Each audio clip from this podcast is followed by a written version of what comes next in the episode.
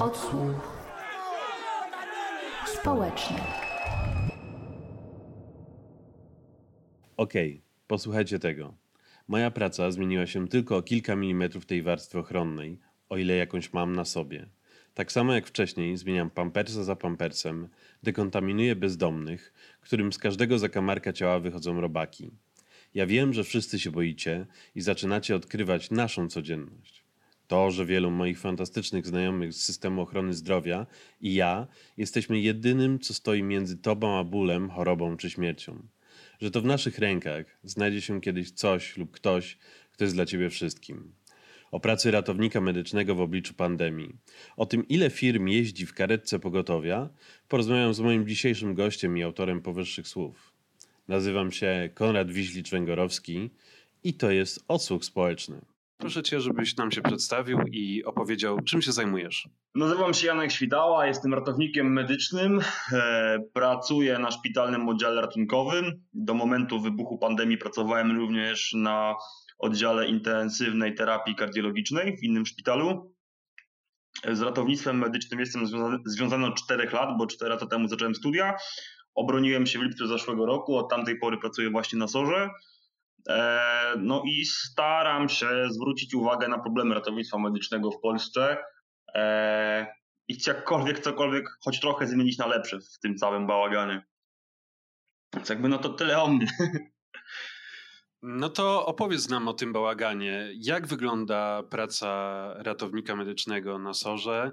Jakie są warunki, które tam panują? Mhm. E, i nawet nie jeszcze, nie poruszając jeszcze tematu samej epidemii, ale jak to wyglądało wcześniej, zanim epidemia koronawirusa się rozpoczęła? Ja pracuję w centrum urazowym, czyli jakby w szpitalu, który ma najszersze możliwe zaplecze, jeżeli chodzi o pacjentów e, urazowych, czyli takich, którzy powinni na ten SOR trafiać.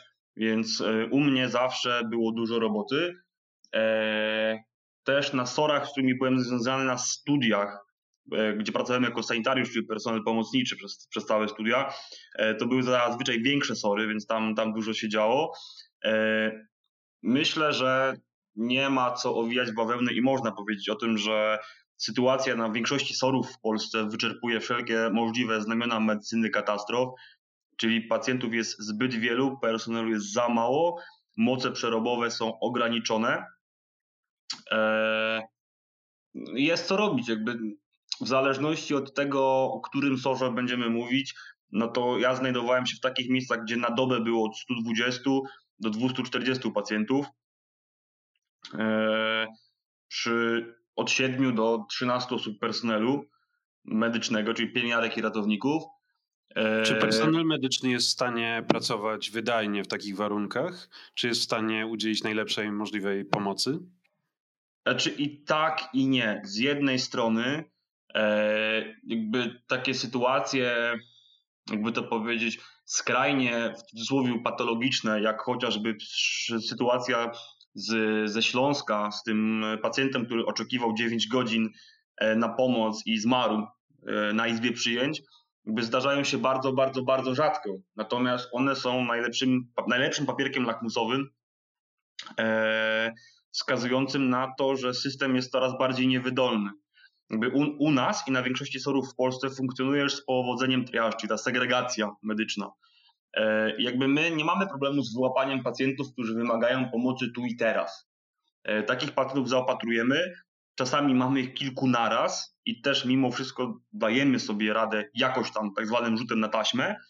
Natomiast e, to się odbywa kosztem pacjentów, może nie to, że mm, jakby to powiedzieć, tej niższej kategorii, ale, ale jakby jakością świadczeń, których udzielamy, to raz, a dwa też bardzo mocno odbija się na nas, bo zupełnie inaczej pracuje człowiek, który ma w ciągu dnia, do, tak w cudzysłowie powiem, do obrobienia dwóch ciężkich pacjentów i czterech, którym tak naprawdę nic nie jest, ale mają dużo wolnego czasu albo odbili się od innych sektorów ochrony zdrowia w Polsce, a inaczej, a inaczej pracuje się w momencie, w którym przez 12 godzin nie mam czasu zjeść, wysikać się, napić wody, e, mam pacjenta za pacjentem e, i tak naprawdę nie mam pojęcia, w co mam te ręce włożyć, bo każdy z nich potrzebuje pomocy tutaj i teraz. E, więc jakby pod tym względem to też jest coś, co, co powinniśmy zmienić. Natomiast jakby jeżeli chodzi o, o, przyczyny tego wszystkiego, no to, to mogę powtarzać w kółko. Jest za mało, pacjent, za mało personelu, za mało szpitali. Zaraz, zaraz jeszcze zapytam a, cię o przyczyny. Jasne. Natomiast y, jeżeli mógłbyś jeszcze wytłumaczyć, y, czym jest pojęcie triażu? Triaż jest to system segregacji medycznej, e, gdzie ratownik lub pielęgniarka e, nadaje priorytet pomocy. W zależności od tego, który system jest jakby używany na, na konkretnym oddziale, to jest od 4 do 6 kategorii, gdzie dzielimy sobie tych pacjentów na, na takie grupy. No, czerwona to ci, którzy potrzebują pomocy tutaj i teraz. Są zatrzymania krążenia, urazy wielonarzędowe, obrzęki płuc. Są jakby pacjenci, którzy z automatu, prosto z karetki trafiają na salę reanimacyjną, inaczej zwaną salą wstrząsową. Są pacjenci w grupie pomarańczowej, którzy tej pomocy medycznej, yy, którą pomoc medyczną muszą utrzymać do 10-15 minut. Yy, I to są pacjenci, którzy też są w stanie bezpośredniego zagrożenia życia. Natomiast te, te 10-15 minut, chociażby przy udarze czy przy, przy zawale, o ile nie jest to ciężki zawał, E, mogą poczekać. Są pacjenci w grupach zielonych, niebieskich, fioletowych. No i to są pacjenci, którzy mogą czekać 2, 4, 6, 8, 12 godzin i nie powinno to mieć negatywnego wpływu na ich zdrowie i życie. E, no i taka mimo wszystko jest większość tych pacjentów, ponieważ człowiek, który skręcił sobie kostkę, może czekać i 36 godzin, bo to jakby niczego tak naprawdę nie zmieni, nie pogorszy ani jego, ani jego leczenia, ani jakichkolwiek rokowań. Natomiast pacjent, który doznał nagłego zatrzymania krążenia ma tylko 4 minuty. O tym pojęciu triażu usłyszeliśmy w mediach w związku z wybuchem najgorszych ognisk pandemii w, we Włoszech, gdzie mówiono o pojęciu triażu jako o czymś, co będzie oznaczało e, segregowanie tych pacjentów, którym można pomóc jeszcze e, w, w, w wyniku zarażenia e, COVID, choroby COVID-19. Mhm. Natomiast i oddzielenia tych osób, których, którym e, pomoc nie jest opłacalna. Czy, czyli rozumiem, że mówimy o czymś trochę innym. A czyli triaż to zawsze będzie, triaż zawsze będzie oznaczał segregację. Inaczej segregujemy pacjentów na miejscu katastrofy, gdzie używamy jakby innego schematu, innego systemu, E, I tam, no, tam jest tak, że rzeczywiście dzielimy pacjentów na tych, którzy też potrzebują tej pomocy natychmiastowo, na tych, którzy mogą czekać na ewakuację, ale też na tych, których obrażenia są na tyle poważne, że albo już nie żyją w tym momencie, e, albo nie ma szansy jakkolwiek im pomóc. Dlatego też trzeba skupić na tych, którym pomóc można. E, nie mam informacji na temat tego, jakie, jakich kryteriów i jakiego systemu używano we Włoszech Natomiast jakby tak, e, jest to też składnik medycyny katastrof. Bo medycyna katastrof to, to medycyna, która zakłada kompromisy, to ta, która zakłada straty, to ta, która na wejściu zdaje sobie sprawę z tego, że nie wszystkich można uratować. E, I o tym często gęsto zapominano, szczególnie wśród tych, którzy, e, wśród tych dziennikarzy, którzy pozwalali sobie na komentowanie tego, tego mechanizmu, nie mając za bardzo podstaw merytorycznych do wypowiadania się w temacie właśnie tej medycyny katastrof. Dzięki za rozjaśnienie tego.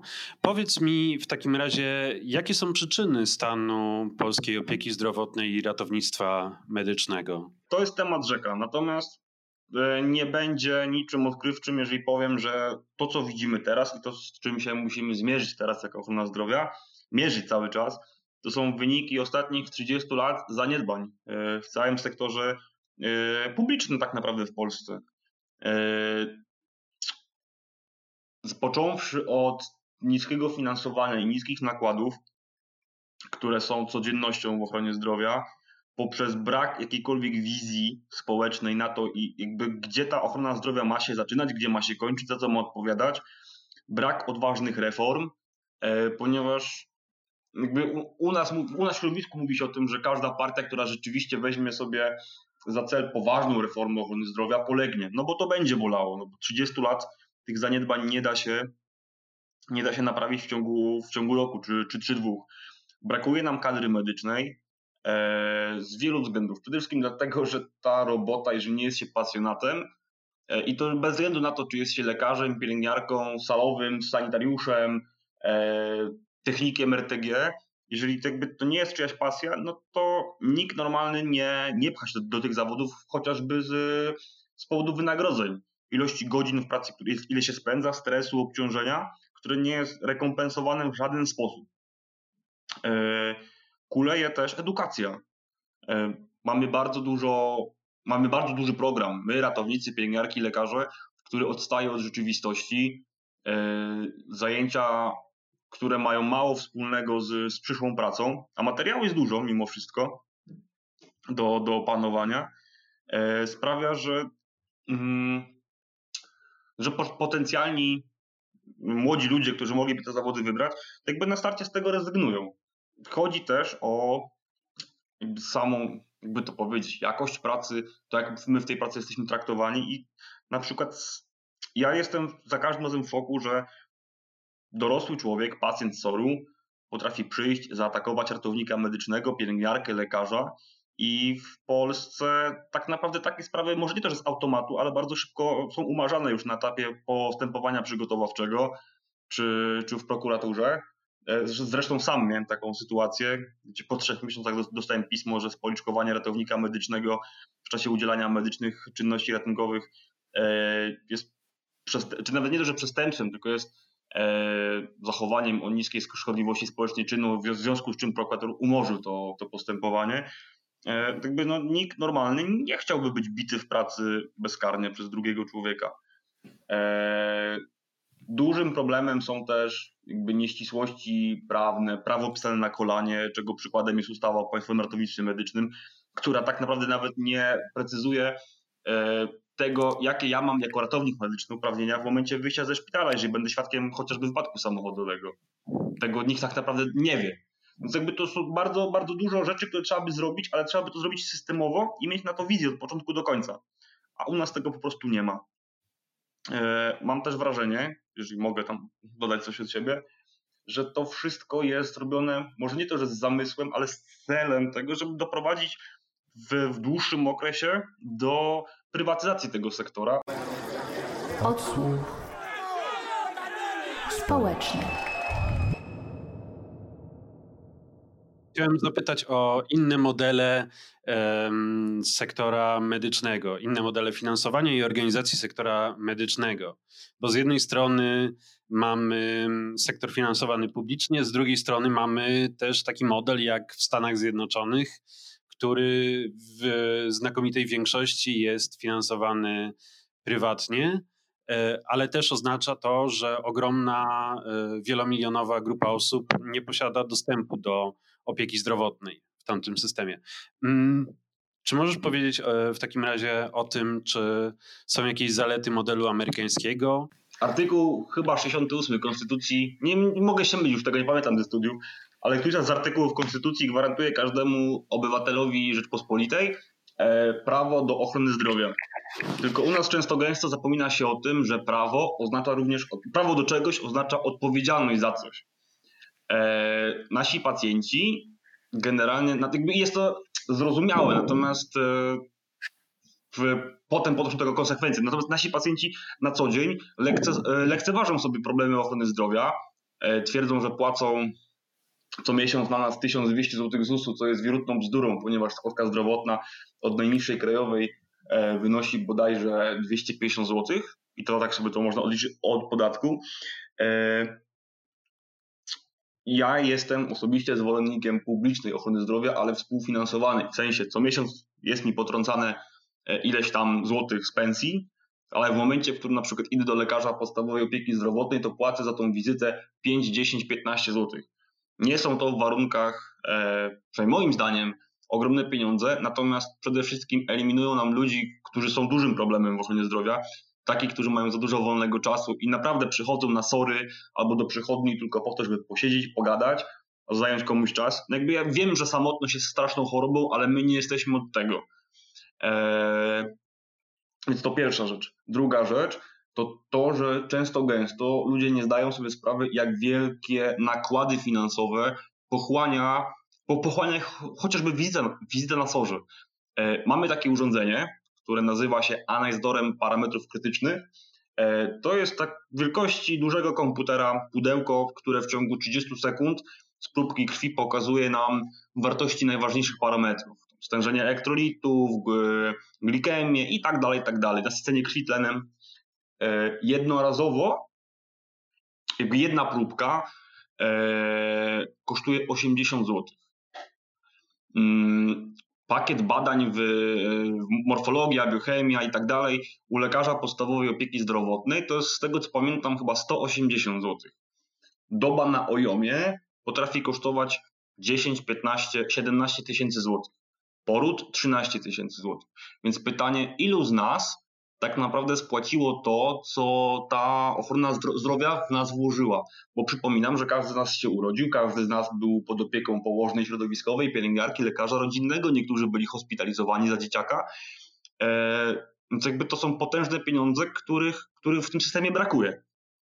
E, co do, co do prywatnego systemu ochrony zdrowia, tak jak w Stanach, no to ja miałem przygodę, e, bo na drugim roku studiów wyjechałem do Ameryki, właśnie pracować na rusztowaniu, żeby dokończyć studia i miałem okazję zobaczyć na własne oczy ofiary tego systemu. Pracowałem z chłopakiem, który zerwał sobie ścięgno lat temu 10 i do tej pory e, chodzi z przykurczem ręki, no bo nie stać go, jest poza tym systemem, e, nic go nie, nic go nie, nie jakby nie, jakby nie, nie ma skąd wziąć pieniędzy na na, na, na operację tego, te, tego ścięgna. No i no i tyle. Jakby to, jakby to wyglądało, gdyby do takiego wypadku doszło w Polsce? E, nawet jeżeli nie byłby ubezpieczony, to zostałby na pewno przyjęty przez SOR, e, udzielono by mu podstawowej pomocy medycznej, e, musiałby podpisać deklarację, że zapłaci za to wszelkie koszta, no ale ta operacja by się odbyła. To, że czy, ta... czy wpędziłoby go to w duży dług, gdyby nie zapłacił za tą operację? W Polsce tak, natomiast jakby te długi są wie, często gęsto nieściągalne w naszych warunkach. E, jakby sory są. Mm, nawet, nawet dzisiaj miałem trzech pacjentów w tak zwanym kryzysie bezdomności. Każdy z nich miał wykonany tomograf komputerowy, każdy z nich jest naszym stałym bywalcem. Jednego PESEL pamiętam na pamięć. E, każdy z nich otrzymuje rachunek do zapłaty i te rachunki się gubią. Natomiast e, wolę system, w którym udzielamy pomocy wszystkim, nawet tym, którzy się do niego nie dokładają, niż tylko tym najbogatszym. A tak to wygląda w Stanach Zjednoczonych. Też te ubezpieczenia z tego, co, co mówili mi chłopacy, z którymi pracowałem, są pisane tak, żeby w razie czego jak najmniejszą kwotę wypłacić. Są ludzie, którzy mają ubezpieczenia skonstruowane w ten sposób, że najpierw oni muszą zapłacić za wszystko, a dopiero potem ubiegać się o zwrot kosztów. E, wydaje mi się, że mało kogo z nas stać, żeby przywieźć walizkę pieniędzy do szpitala i powiedzieć tak, tutaj macie 60 tysięcy złotych na tydzień pobytu mojej mamy czy taty na Ojomie. E, czy, czy, system opieki zdrowotnej powinien być w takim razie oparty na tworzeniu, generowaniu zysków dla osób, które są właścicielami tego systemu? Zdecydowanie nie jakby nie ma niczego złego w zarabianiu pieniędzy na ochronie zdrowia, bo to jest trudne. Jakby, mm, żeby stać się lekarzem, ratownikiem medycznym, pielęgniarką, trzeba poświęcić bardzo dużo siebie, swojego życia, swoich pasji, swojego życia towarzyskiego, rodzinnego i tak dalej. E, nie każdy się do tego nadaje, trzeba mieć predyspozycję. To jest ciężka praca i tak dalej i uważam, że powinna być dużo, dużo lepiej wynagradzana. I nie ma niczego złego w tym, że człowiek, który potrafi operować y, włókna nerwowe grubości E, grubości ludzkiego włosa zarabia dobrze. Natomiast system, w którym będziemy, wykony, będziemy naciągać pacjentów, no bo jakby nazywajmy rzeczy po imieniu, wy z nami jesteście w starciu bez szans. Jeżeli będziemy chcieli, to wmówimy wam wszystko. Znamy tak dużo trudnych słów, objawów i tak dalej, że będziemy w stanie przekonać was do każdego badania, byle byście tylko zapłacili. Eee, w państwowej ochronie zdrowia nie robimy tego. Natomiast w prywatnej, dlaczego nie? Przecież każde badanie oznacza zysk. E, dlatego uważam, że o ile szpitale nie powinny przynosić strat, to nie powinny być też nastawione na, na czysty zysk. No bo nie tędy droga. Prawda jest taka, że chociażby wśród pacjentów po zatrzymaniu krążenia rokowania są złe jeżeli kogoś dojdzie do zatrzymania krążenia, tak naprawdę, już teraz nie pamiętam statystyk, ale on ma chyba 5, maksymalnie 10% szans, ale wydaje mi się, że bliżej 5, że wyjdzie jeszcze ze szpitala, przeżyje dłużej niż miesiąc i będzie w stanie pograć w piłkę. Chociażby z wnukiem czy, czy, czy z dziećmi. Natomiast to się dzieje. I na 100 reanimacji mamy tych pięciu pacjentów, którym rzeczywiście udaje się, e, udaje się pomóc. Ale tego często gęsto nie wiadomo w pierwszej dobie po zatrzymaniu krążenia. E, w systemie, w którym byłby nastawiony na zysk, zajmowalibyśmy się tylko tymi, którzy się opłacają, a taki pacjent się nie opłaca. No i tu pojawia się pytanie, jak wycenić ludzkie życie? Które moim zdaniem jest pytaniem retorycznym. W początkowych momentach pandemii dochodziło do bardzo dziwnych, niepokojących scen. Tak jak na przykład widzieliśmy e, kwarantannę ratowników medycznych, e, która się odbywała w karetce pogotowia. Mieli zostać przez 36 godzin, aż dostaną wyniki badania osoby, z którą mieli styczność. Jak byś oceniał tą sytuację? Czy słyszałeś o niej? Tak, tak, tak. I, i znam, znam tą ratowniczkę osobiście, miałem okazję z nią pracować. Eee, z jednej strony należy oddać sprawiedliwość dyrekcji, organizacji, wojewo, wojewodzie i tak dalej, że sytuacja jest nowa eee, i nikt nie miał okazji przygotować się do niej w 100%, no bo przecież ostatnia duża pandemia, no to grypa hiszpanka po I wojnie światowej, prawda?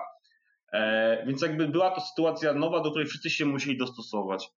Natomiast brak jakichkolwiek rozwiązań e, i skupianie się na albo, albo znaczy ponoszenie kosztów psychicznych, fizycznych i finansowych przez ludzi na pierwszej linii, czyli ratowników medycznych, pokazuje jakby słabość tego całego systemu i to, jak bardzo to wszystko jest kolos na glinianych nogach, bo jeżeli nie pandemia, to zamachy terrorystyczne, jeżeli nie zamachy terrorystyczne, to katastrofa kolejowa, tak jak chociażby w Szczekocinach. Jak nie Szczekociny, no to zawalnie się hali targowy. Jakby te sytuacje będą się pojawiały raz na jakiś czas e, i od tego nie uciekniemy, choć, choćbyśmy starali się e, najmocniej na świecie, no, no bo tak, tak to wszystko wygląda, taka jest historia, tak to się będzie toczyło.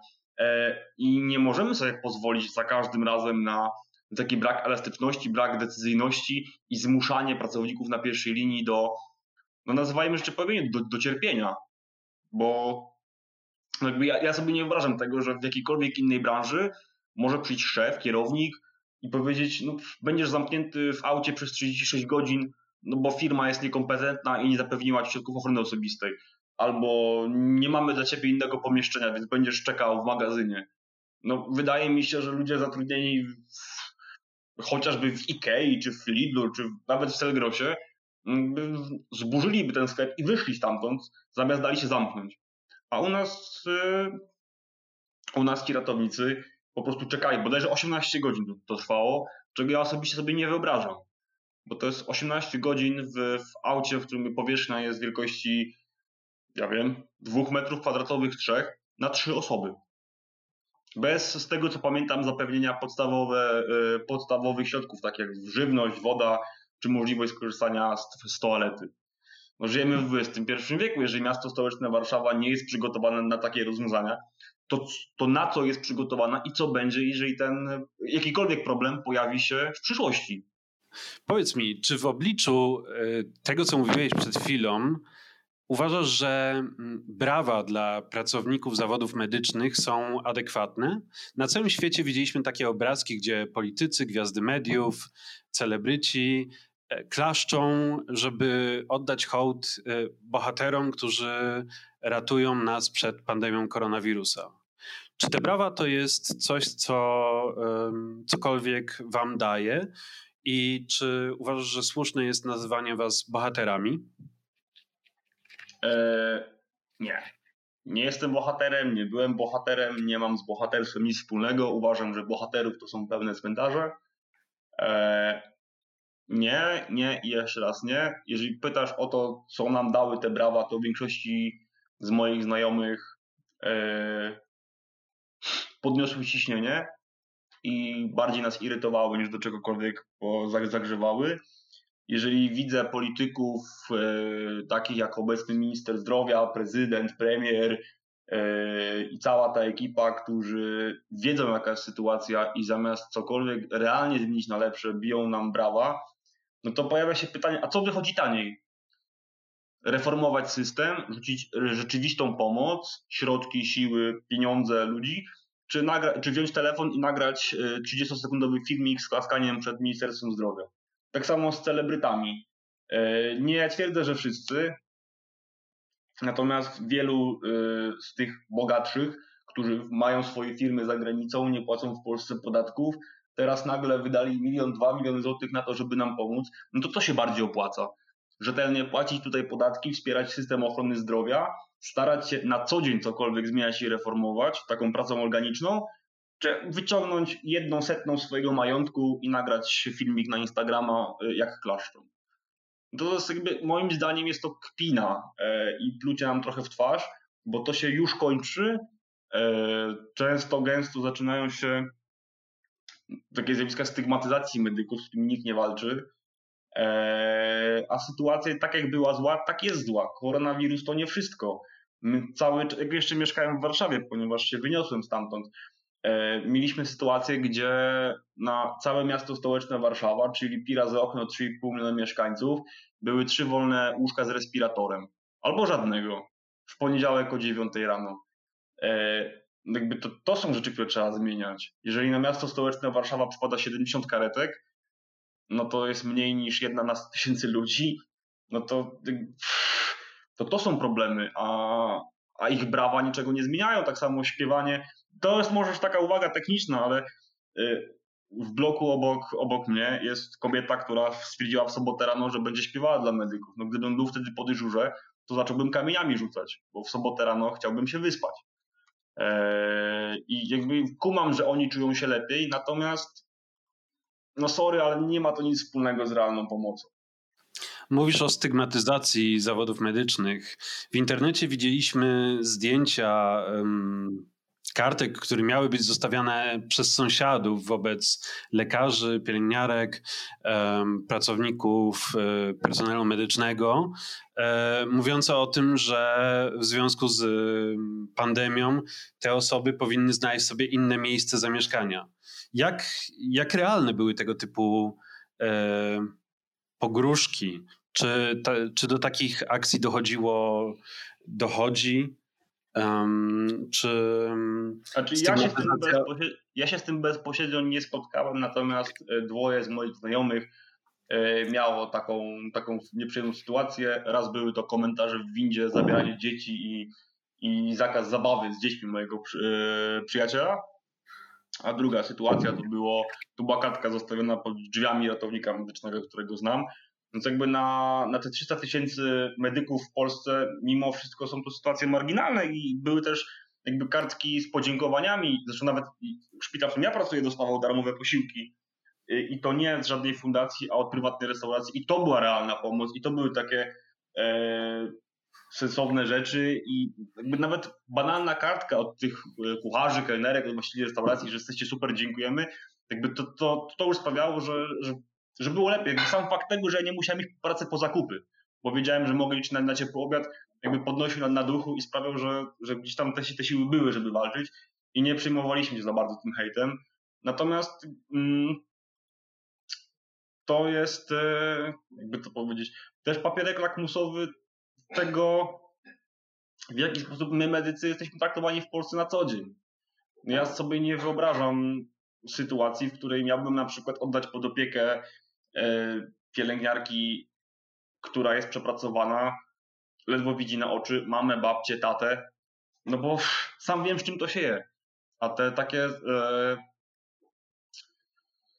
jakby to powiedzieć, te, te incydenty agresji słownej, werbalnej, fizycznej, e, która, które generalnie są bezkarne w Polsce, no sprawiają, że ludzie, ludziom się wydaje, że można.